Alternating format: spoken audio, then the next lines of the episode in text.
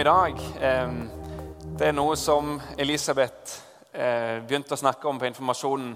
Den 11. til 12. november så skal det være en eh, kampanje da, i regi av Franklin Graham. Der vi tror mange skal bli frelst.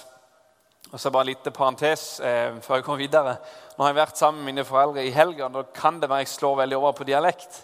Så i verste fall så får dere gå og ta dere engelsk oversettelse. Så kan jeg ha en liten ordliste. Dere betyr dere, okke betyr oss. Så tror jeg det er ganske innafor at dere skal forstå resten.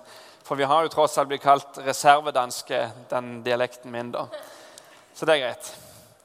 Ehm, men i forbindelse med denne kampanjen som skal holdes i november, så har jeg lyst til å dele noen tanker om det her med å vinne mennesker for Jesus.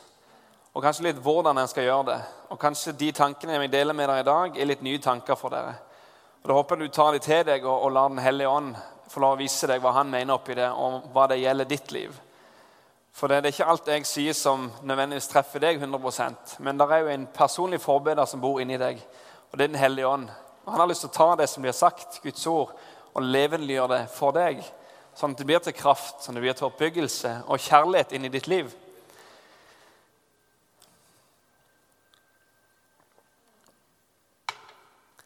Jeg har to veldig, veldig flotte vitnesbyrd jeg har lyst til å dele aller først.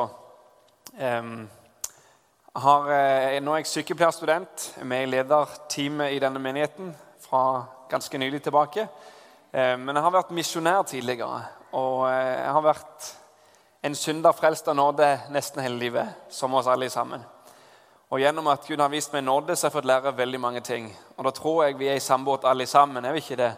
Syndere frelst av nåde har ingenting å skryte av utenom han. Og eh, Den første ting jeg har lyst til å dele der fra misjonstur, det var når jeg var i Nicaragua for mange år siden. Da hadde vi en sånn fotballstadion som vi leide i med Misjon SOS, en organisasjon som hører til i Sverige. Det har jeg vært med noen år tidligere. Og Da har vi en fotballstadion der vi forkynner evangeliet på kveldene. Og så På dagtid så er vi da ute i gatene og gjør som de gjorde på Street Church. Har drama, har musikk, ber for syke. Legger hendene på de som trenger befrielse. Og hjelper mennesker til å ta imot Jesus, sånn at de kan få en forandring her inne. Eh, og det jeg har lyst til å nevne da fra den turen, Foruten at det var veldig mange som ble frelst, og det var mange mirakler som skjedde Det var en veldig spesiell historie jeg har lyst til å dele. da. Og Det er en, en av de tolkene vi hadde med oss. Han var en religiøs kristen, kjente ikke Jesus. Og han hadde ikke noe personlig forhold med Jesus, som jeg tror hva som er frelse. Ehm, og Han var med oss og tolka og så på alt dette som skjedde gjennom eh, to ukers tid. Eh, og Vi forsøkte liksom å nå inn til han da, og bare fortelle han hvem Jesus var. Og Nesten siste dagen så fikk vi lov til å lede han til Jesus, denne tolken vår. Og Han ble frelst, han møtte Gud, og du så at han ble forandra. Noen dager etter det så ble han døpt i havet. Men det som er det fantastiske, det er når vi da fortalte hans søster, som han brennende kristen, at din bror har tatt imot Jesus. Den umiddelbare reaksjonen hennes var at hun begynte å strigråte. Hun klarte ikke å kontrollere seg selv. For denne broren sin hadde hun bedt for i årevis, i så mange år. Og endelig så hadde bønnene hennes blitt besvart. Han hadde blitt frelst. Og Det var sikkert noe som så umulig ut, men vi vet hvor stor kraft det er i bønn. Når vi går i partnerskap med Gud, når vi kobler vår fri vilje sammen med Guds vilje, og så skjer det som, som han har tenkt inn i menneskets liv. Eh, og Hun ble så glad og ble så takknemlig for at vi hadde kommet. Eh, og Sånn har vi lyst til at skal skje på Hoppes festival. Mange av de vi ikke, har trodd at kan bli frelst, at de skal få lov å møte Jesus på Hoppes festival og få lov å få øynene sine åpna. For det er det som er mangelvaren. Det er ikke at, at ikke Gud vil frelse dem, eller at de er for dårlige, men det er at de ser ikke. Det har vi lyst til at skal skje. Og Det skjer gjennom at vi ber for mennesker, og vi har hjerte for mennesker. Og vi bare går etter dem med Guds kjærlighet for å vinne dem for Jesus. Ok? Så har jeg en venn som heter Fredrik fra Moi, der som jeg kommer fra, lengst sør på Vestlandet skal prøve å ha litt sånn personlig input, så dere blir litt kjent med meg. Um, det både de første 20 årene av mitt liv. Og jeg fikk lov å oppleve masse av Guds nåde. Selvfølgelig, For det er det eneste vi kan stole på, det er Guds nåde. At han vil vise oss kjærlighet, han vil møte oss. Ble frelst, ble døpt, får lov å begynne å leve et ekte personlig liv med Gud. der jeg får lov å høre hans stemme. og Han taler til meg, og jeg får lov å leve ut det jeg kjenner han legger på mitt hjerte til enhver tid. Og Så begynte han å legge en kamerat av meg på hjertet mitt som het Fredrik. Og Han bare kom opp i hjertet mitt hele veien. Han hadde så lyst at han skulle være med på møte. Han hadde så lyst at han skulle ta imot Jesus. Og Så ble han med en kort stund i en bibelgruppe, og jeg ble så glad. Men så forsvant han ut igjen. Han kom aldri tilbake til menighet eller til, til en slags gudstro, men han, han, levde et liv ute i verden, som vi kristne kaller det, der han ikke levde i et forhold med, med Gud. da. Og Det ble masse mørke, det ble masse vonde år. Men, men det hjertet mitt for han, det hadde jeg hele veien. Og, og, Det er ikke mitt hjerte, men det var mer at Gud i meg bare hadde viste sånn kjærlighet for han. Og når Jeg gikk forbi han, jeg, jeg kunne ikke gå forbi uten å prøve å gå bort og gi en klem eller, eller, si noe positivt til han, eller oppmuntre han på en eller annen måte. Men ingenting skjedde i de synlige. Tida gikk. Ingenting skjedde, og han levde bare verre og verre i våre øyne. da. Han levde ikke et mer og mer kristen liv, men tvert imot. Men sant, så, så, står det jo det i Jakobs brev at våre bønner de er kraftige, de er liksom mektige for Gud til å gjøre store ting. Sånn som Elias ba. Sant? Så ba han en bønn, og det stoppa regnet. Han ba en bønn til, og det begynte å regne. På samme måte så har våre bønner den kraften til å være med og forandre ting. Og Så ringer da min mor noen år etterpå. Da har jeg bodd i Sverige i, i flere år allerede. Og Så sier hun ja, vet du hvem jeg traff? Jeg traff Fredrik. Ok, tenker jeg. Og Jeg har gått og bedt, men har nesten gitt opp hele det at han skal bli frelst. For sånn blir det noen ganger. Vi, vi går lett trøtte, liksom. Vi, vi, gir opp. Men så sier det at han fortalte meg, han har tatt imot Jesus. Han fortalte meg at Gud hadde bare frelst ham. At han nå levde som en kristen. Og Min automatiske respons var bare at jeg falt på mine knær og begynte å striråte. Jeg visste ikke hvor jeg skulle gjøre av meg. For det, tenk han hadde blitt frelst. Tenk at han har blitt frelst. Og Vi har fått lov å gå en, en vandring etter det har opplevd store ting med Gud sammen. Han var til og med forloveren i bryllupet mitt. Og Det er bare Guds godhet. Men så tror jeg det har en sånn suksessoppskrift. At en ikke gir opp, at en ber. Og så er det noen poeng som jeg har lyst til å gjøre tydelig for dere, som jeg mener er viktige. Og Så får du ta det til deg hvis du tror det stemmer, eller så får du gjøre noe annet med det. Men, men du og Gud skal ha en, en dialog i denne talen. Der du spør Gud liksom, er det noe i det her som du vil tale til meg om, og så bruke det. Skal vi lese aller først i Romerbrevet, kapittel 2, og vers 4. Og så Før det skal jeg bare si overskriften på denne talen. Går det greit, forresten? Snakker jeg sakte nok, eller Ja, ja takk. takk. Godt når det litt engasjerte folk som hører på.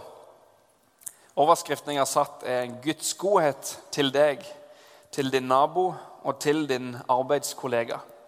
Så kan vi finne Romerbrevet 2 og vers 4.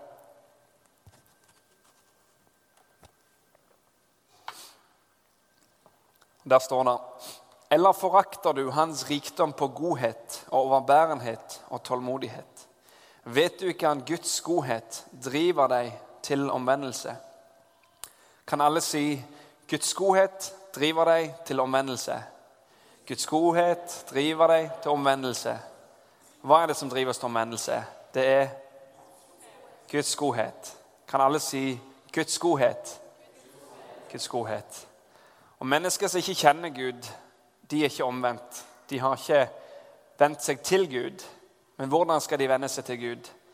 Er det gjennom min moralske framtoning i alt jeg sier til dem? Du burde gjort sånn, du burde gjort sånn, du burde gjort sånn. Du er en synder, du lever feil. Eller er det noe i dette verset som vi kanskje ikke har helt forstått? Hva står det for noe? Vet du ikke at Guds godhet driver deg til omvendelse?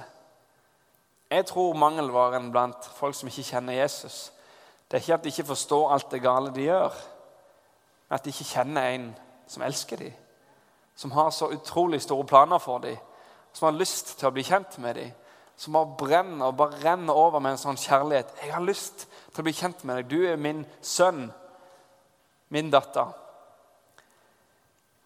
Og Så skal dere bli enda litt mer kjent med meg. Da. Jeg har vokst opp på Sør-Vestlandet og der på en gård. Som alltid likt å jobbe på gård. Men det vi gjorde på våren, kanskje noe dere er kjent med, men vi svidde gras. Vi brant gresset før det kunne vokse opp igjen til sommeren.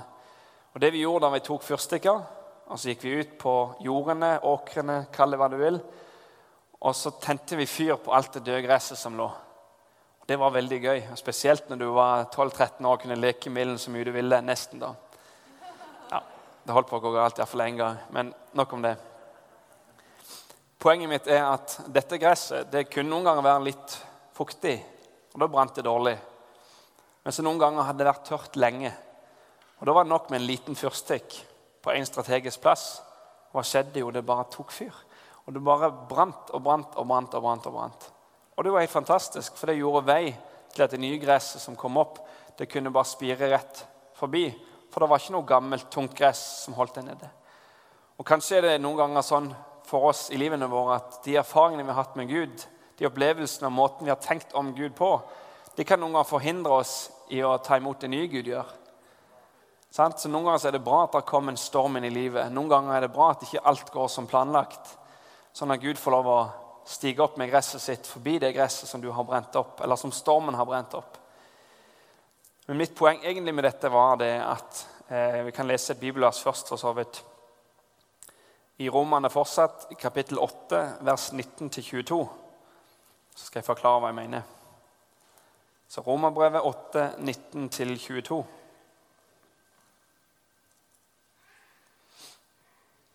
Der står det For skapningen venter og lengter etter at Guds barn skal åpenbares.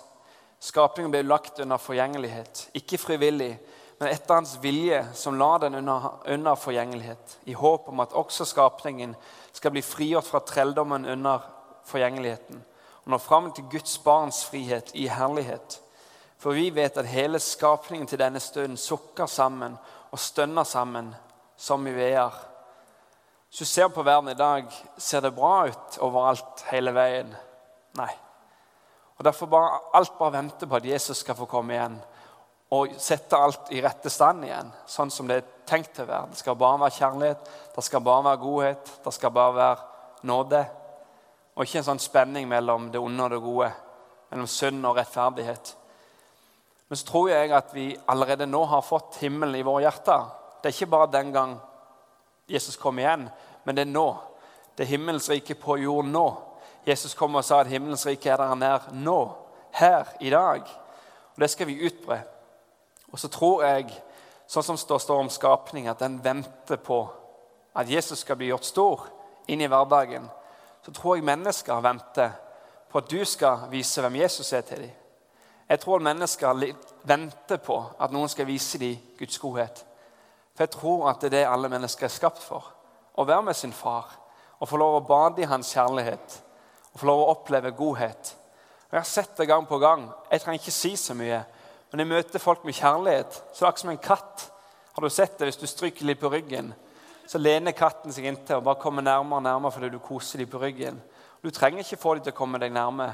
Du bare gir dem kos. Ok, Ikke dra det her poenget for langt. Skal kanskje ta det bort fra det opptaket.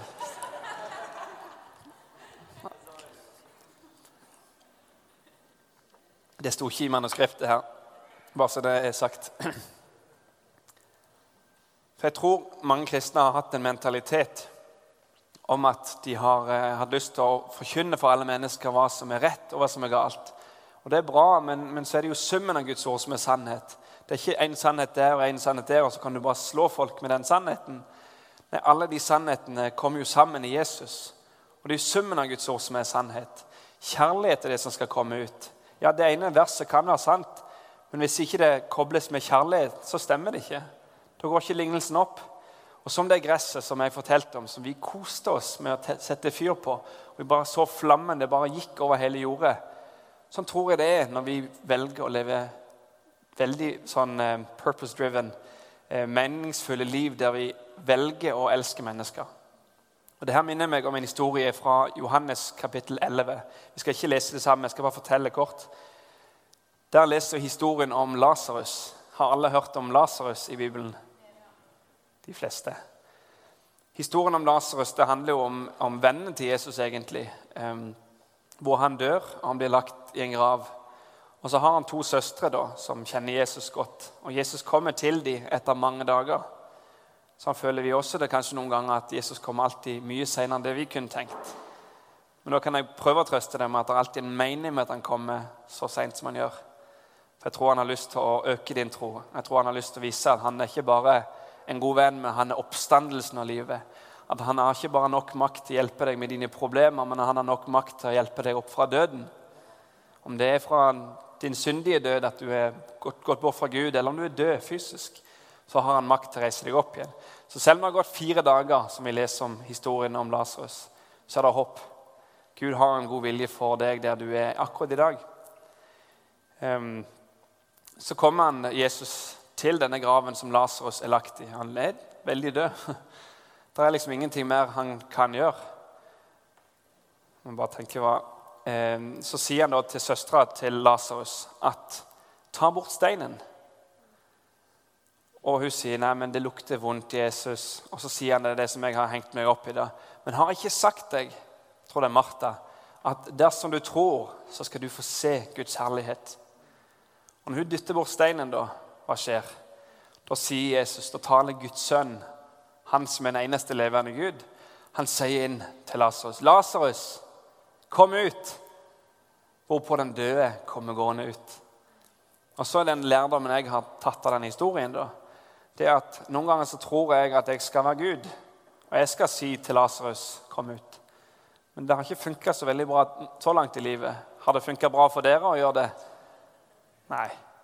Så tror jeg kanskje at noen ganger så må vi nullstille oss når vi ikke tenker rett. Så må vi fornye sinnet vårt, sånn som Bibelen sier. For den eneste måten å bli forvandla på, bli lik Jesus gjennom å få en oppdatering av hvordan vi tenker. For det, I denne historien så kommer det egentlig tydelig fram at Martha sin rolle var å dytte bort steinen. Men Jesus skulle gjøre det overnaturlige, for det er bare han som er Gud. Og så tenkte jeg en gang når jeg ba på denne historien, at når vi elsker mennesker som ingen andre elsker, når vi elsker de som ikke fortjener det, og det er jo egentlig alle oss, så er det som å jeg blir litt tørr i munnen, så beklager. Og når vi da elsker de som ingen andre vil elske, de som ikke fortjener det, som sagt alle, så er det som å dytte bort denne steinen som Martha gjorde. Og hva skjer da? Jo, da kan Jesus, Guds sønn, tale inn i den tomme grava. Ikke en tomme grav, men den grava som ble tom. Og sånn tenker jeg i mitt liv med mennesker jeg møter nå så tenker ikke jeg at jeg skal gi dem alle svarene. Jeg skal, jeg skal motbevise dem, jeg skal overbevise dem. Men jeg tenker, hva er min rolle i det her? For jeg jobber sammen med Guds rike. Jeg søker Hans rike først. Så jeg prøver å gjøre dem godt. Jeg prøver å elske dem, jeg prøver å søke deres beste. For da tror jeg at når jeg dytter bort steinen gjennom å gjøre det beste for dem, så kommer Gud, og så taler han inn til dem direkte i hjertet. Ser dere forskjellen? At, at det er en jobb som er Gud sin, Guds sønn sin, og det er en jobb som er min. Jeg tror det er bevisst, At du blir bevisst på dette, gjør at du kan leve på en ny måte. Skal vi lese neste bibelvers, som er ifra Skal vi se her 2. Korinterbrev, kapittel 5, vers 17-21. 2. Korinterbrev 5, 17-21.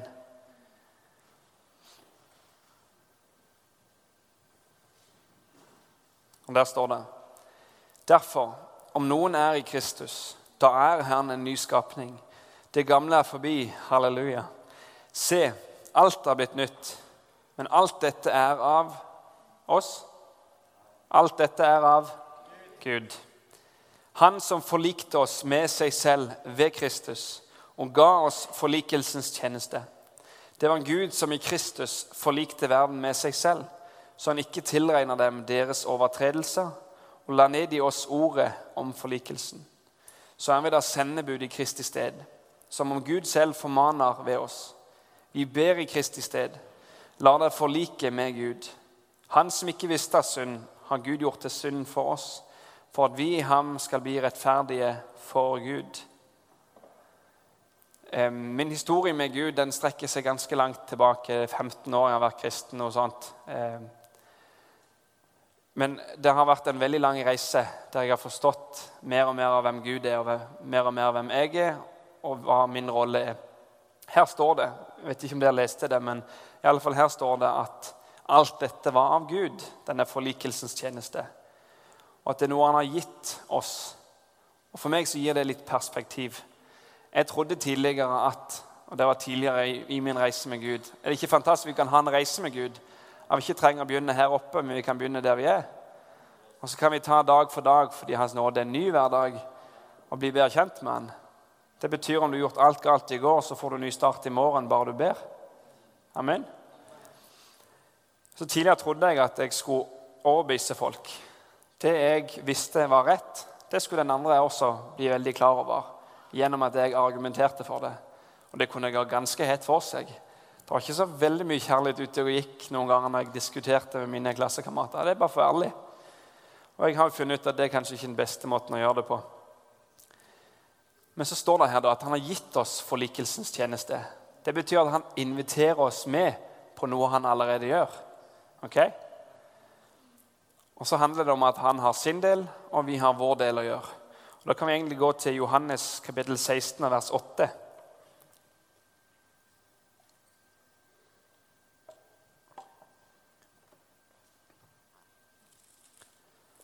Og Dette er også et viktig poeng jeg har lyst til å understreke. da. Kan lese først Johannes 16, vers 8. Og når Han kommer, Den hellige ånd, altså, skal Han overbevise verden om synd, om rettferdighet og om dom.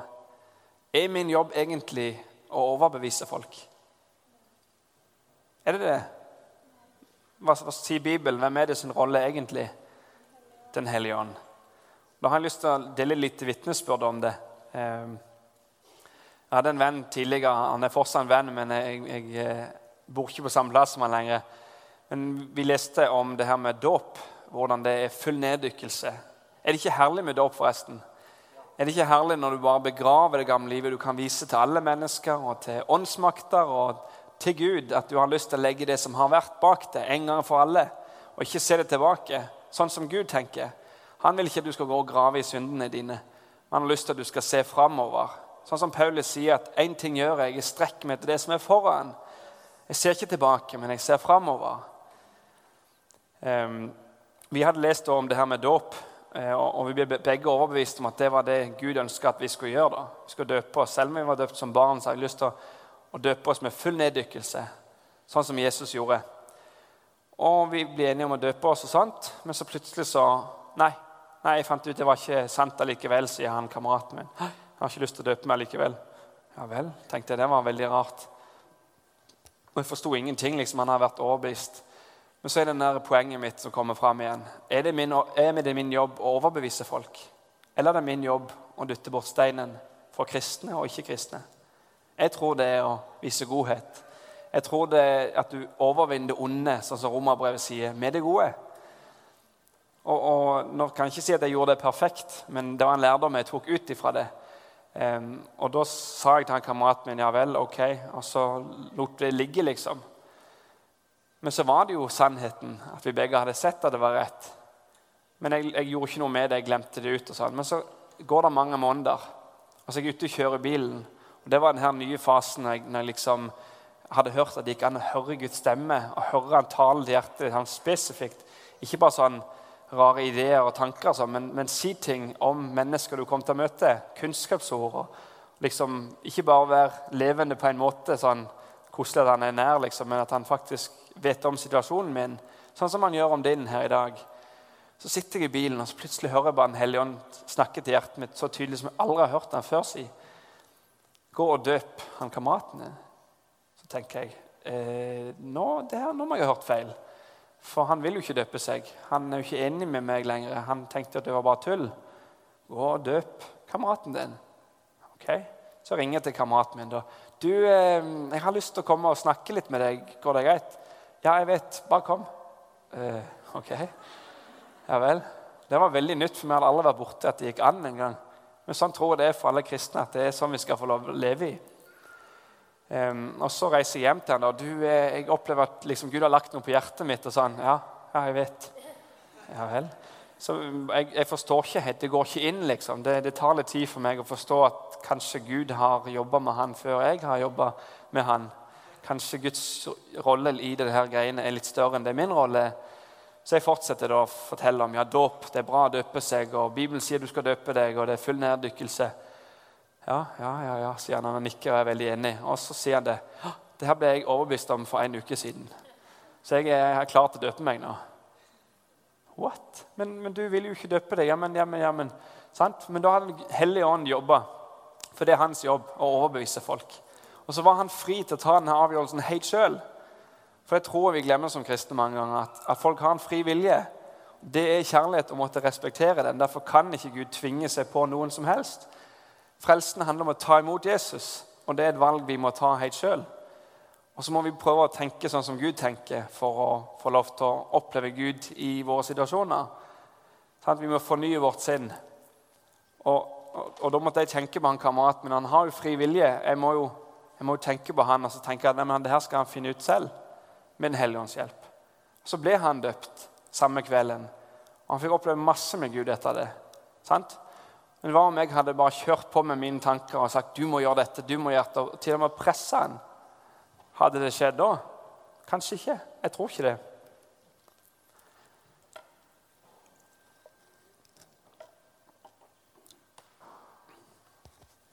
Så har jeg lyst til å bare vitne litt om åssen jeg har det på jobb om dagen.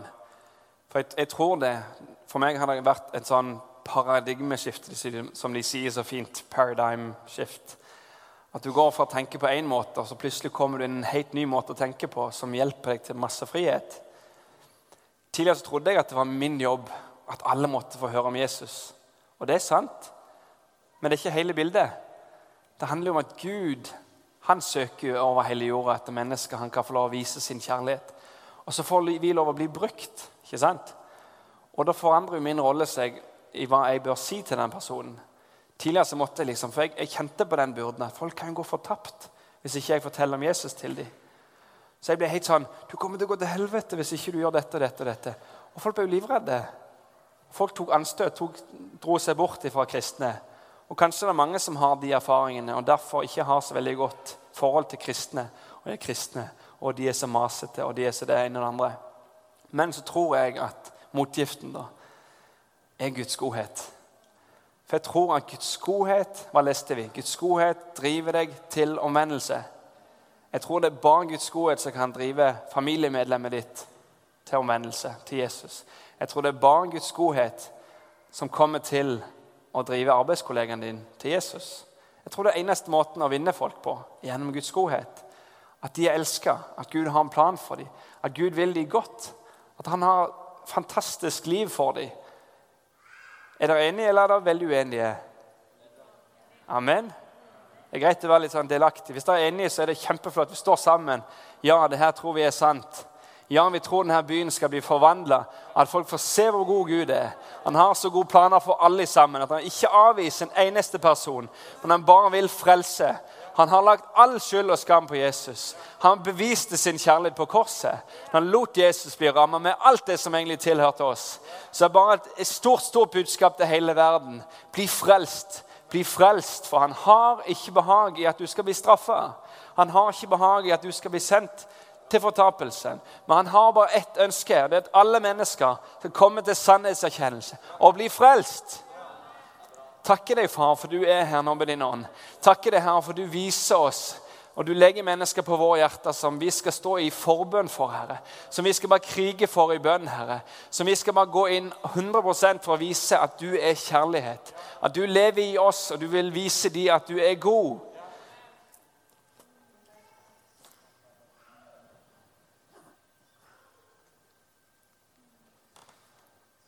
Jeg husker en historie fra tiden jeg bodde i Sverige så, eh, så hadde jeg veldig lyst til For det er det som er så fantastisk med Guds godhet.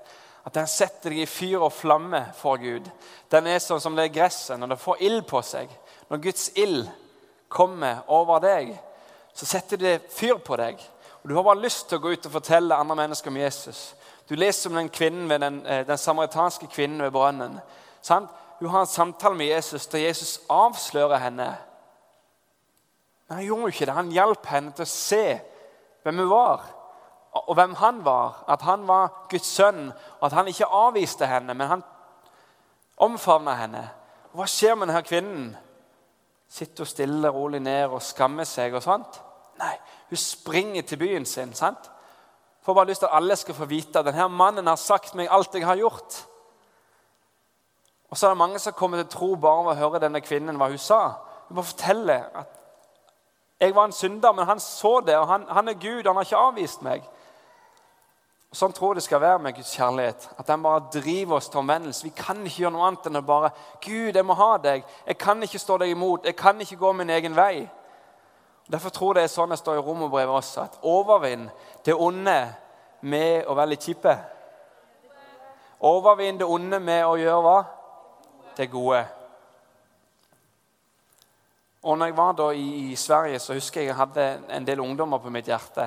Det var sånn innvandrerområde i Sverige, så vi var, var en nordmann, og så var det ei fra Finland. og så Det var vi som var nordiske, og resten hadde jo helt andre land de kom ifra. Og det var fantastisk. Jeg trivdes så godt.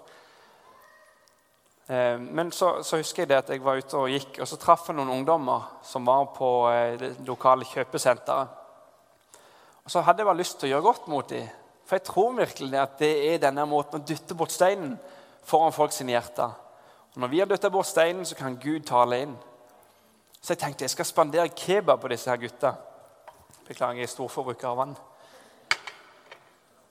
Du fakturerer ikke den, gjør du det? En snill daglig leder. Så, takk.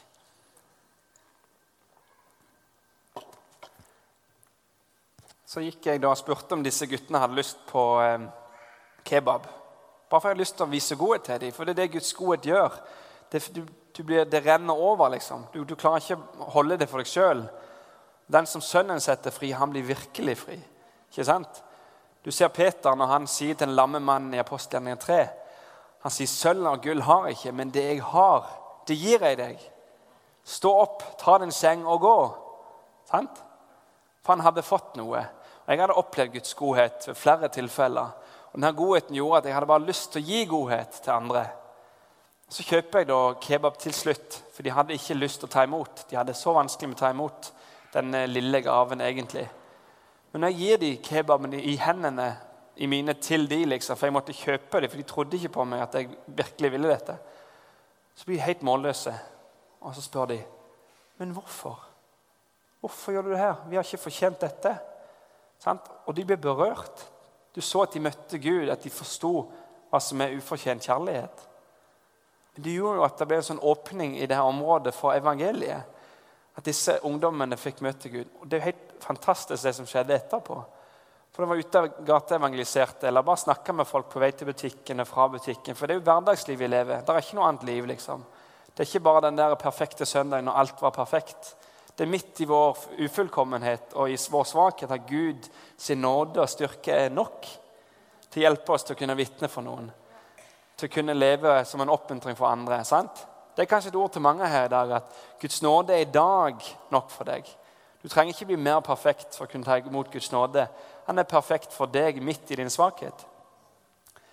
Så snakker jeg med disse ungdommene, og så, og så fikk jeg skikkelig sånn gjennombrudd med at det var mange som ble helbreda av dem, og flere som tok imot Jesus.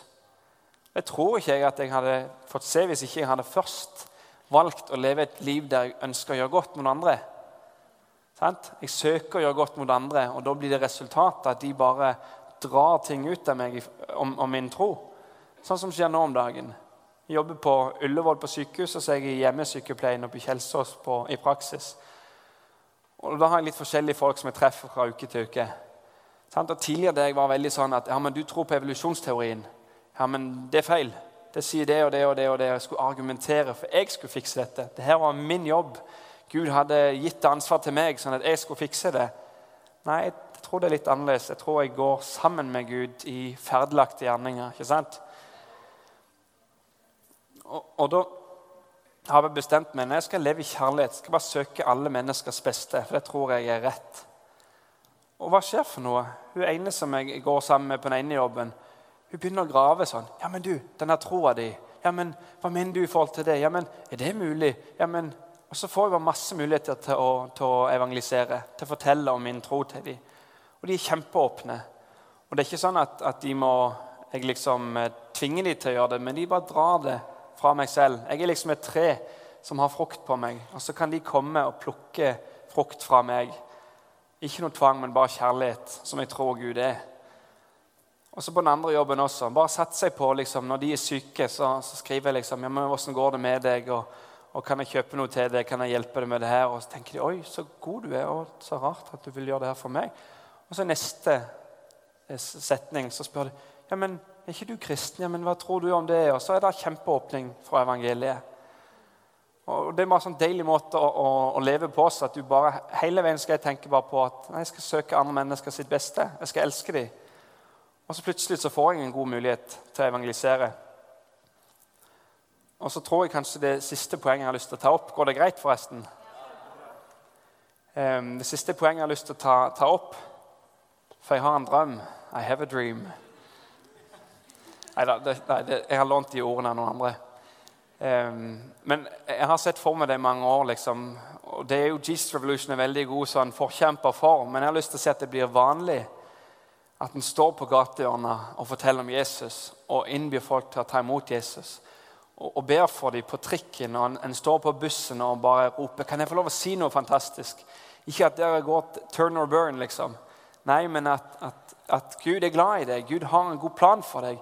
Gud har sett de økonomiske utfordringene du har han har lyst til å møte deg der du er, og hjelpe deg. sant? Det har man en drøm om at skal få lov å komme mer og mer på trikker og busser og overalt i hele Oslo. Um, og, og, så tror jeg det her med ferdelagte gjerninger, at vi er skapt til å kunne gå inn i ferdelagte gjerninger. Bare fordi Han har lære. For vi skal ikke ha noe å skryte men vi skal skryte av Han og Hans nåde. Så fikk jeg lov å oppleve noe i, i den døren da med ferdelagte gjerninger. Um, og vi var veldig bevisst på at vi hadde lyst til å evangelisere, for det har skjedd noe veldig leit. Eh, når noen som hadde ja, prøvd å ta selvmord. Og så tenkte jeg nei, det her er forferdelig. Sånn skal ikke vi ha det, for vi skal gå imot djevelen. Og vi skal gjøre som Jesus gjorde. Det kan vi for så vidt lese i apostelgjerningen 10, 38.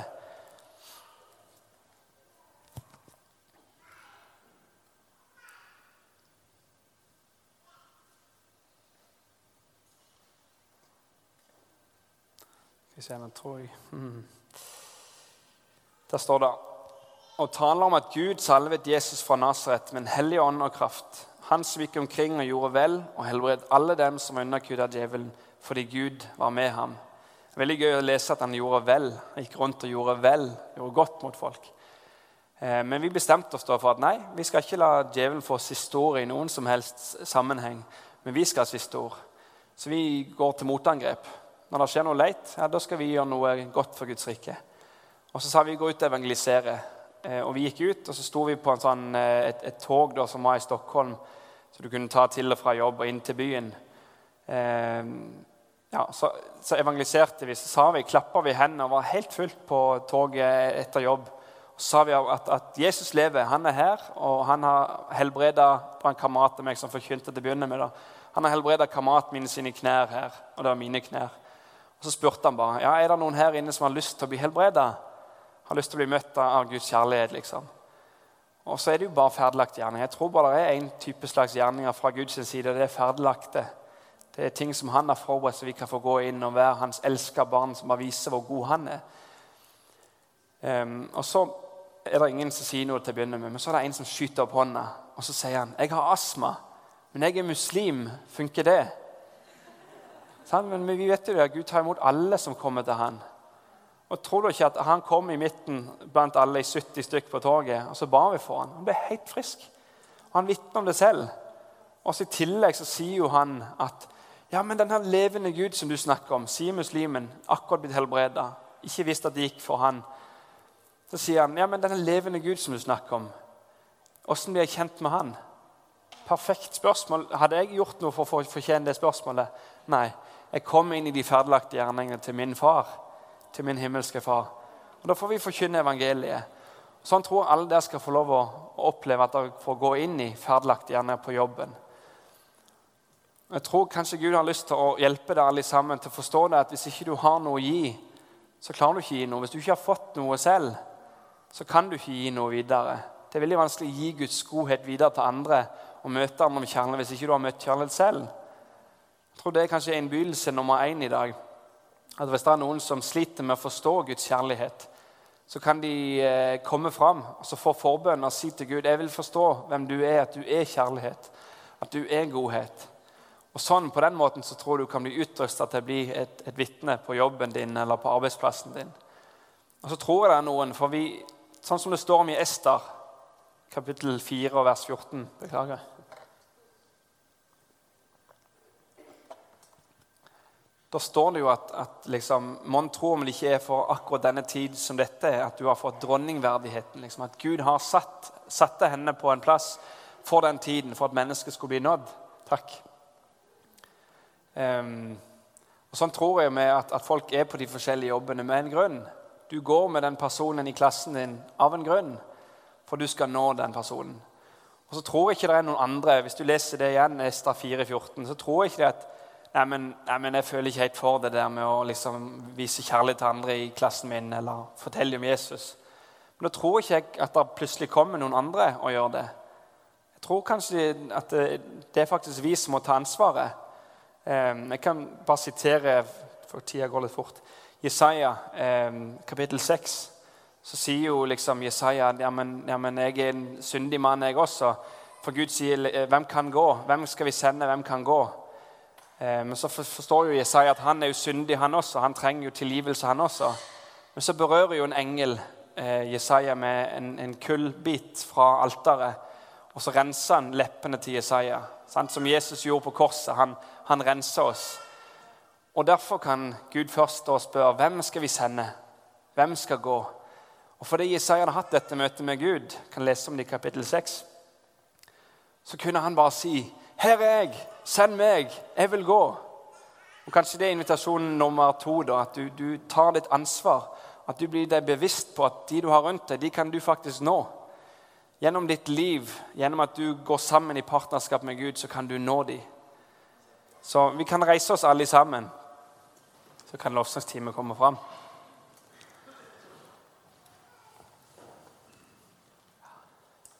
Takker deg, himmelske Far, for at du er her. Takk for at du er her med din Hellige Ånd, som, som eh, overbeviser alle mennesker om det som trengs overbevises om, Herre. Men tal nå til hjertene, Herre. Tal nå til oss.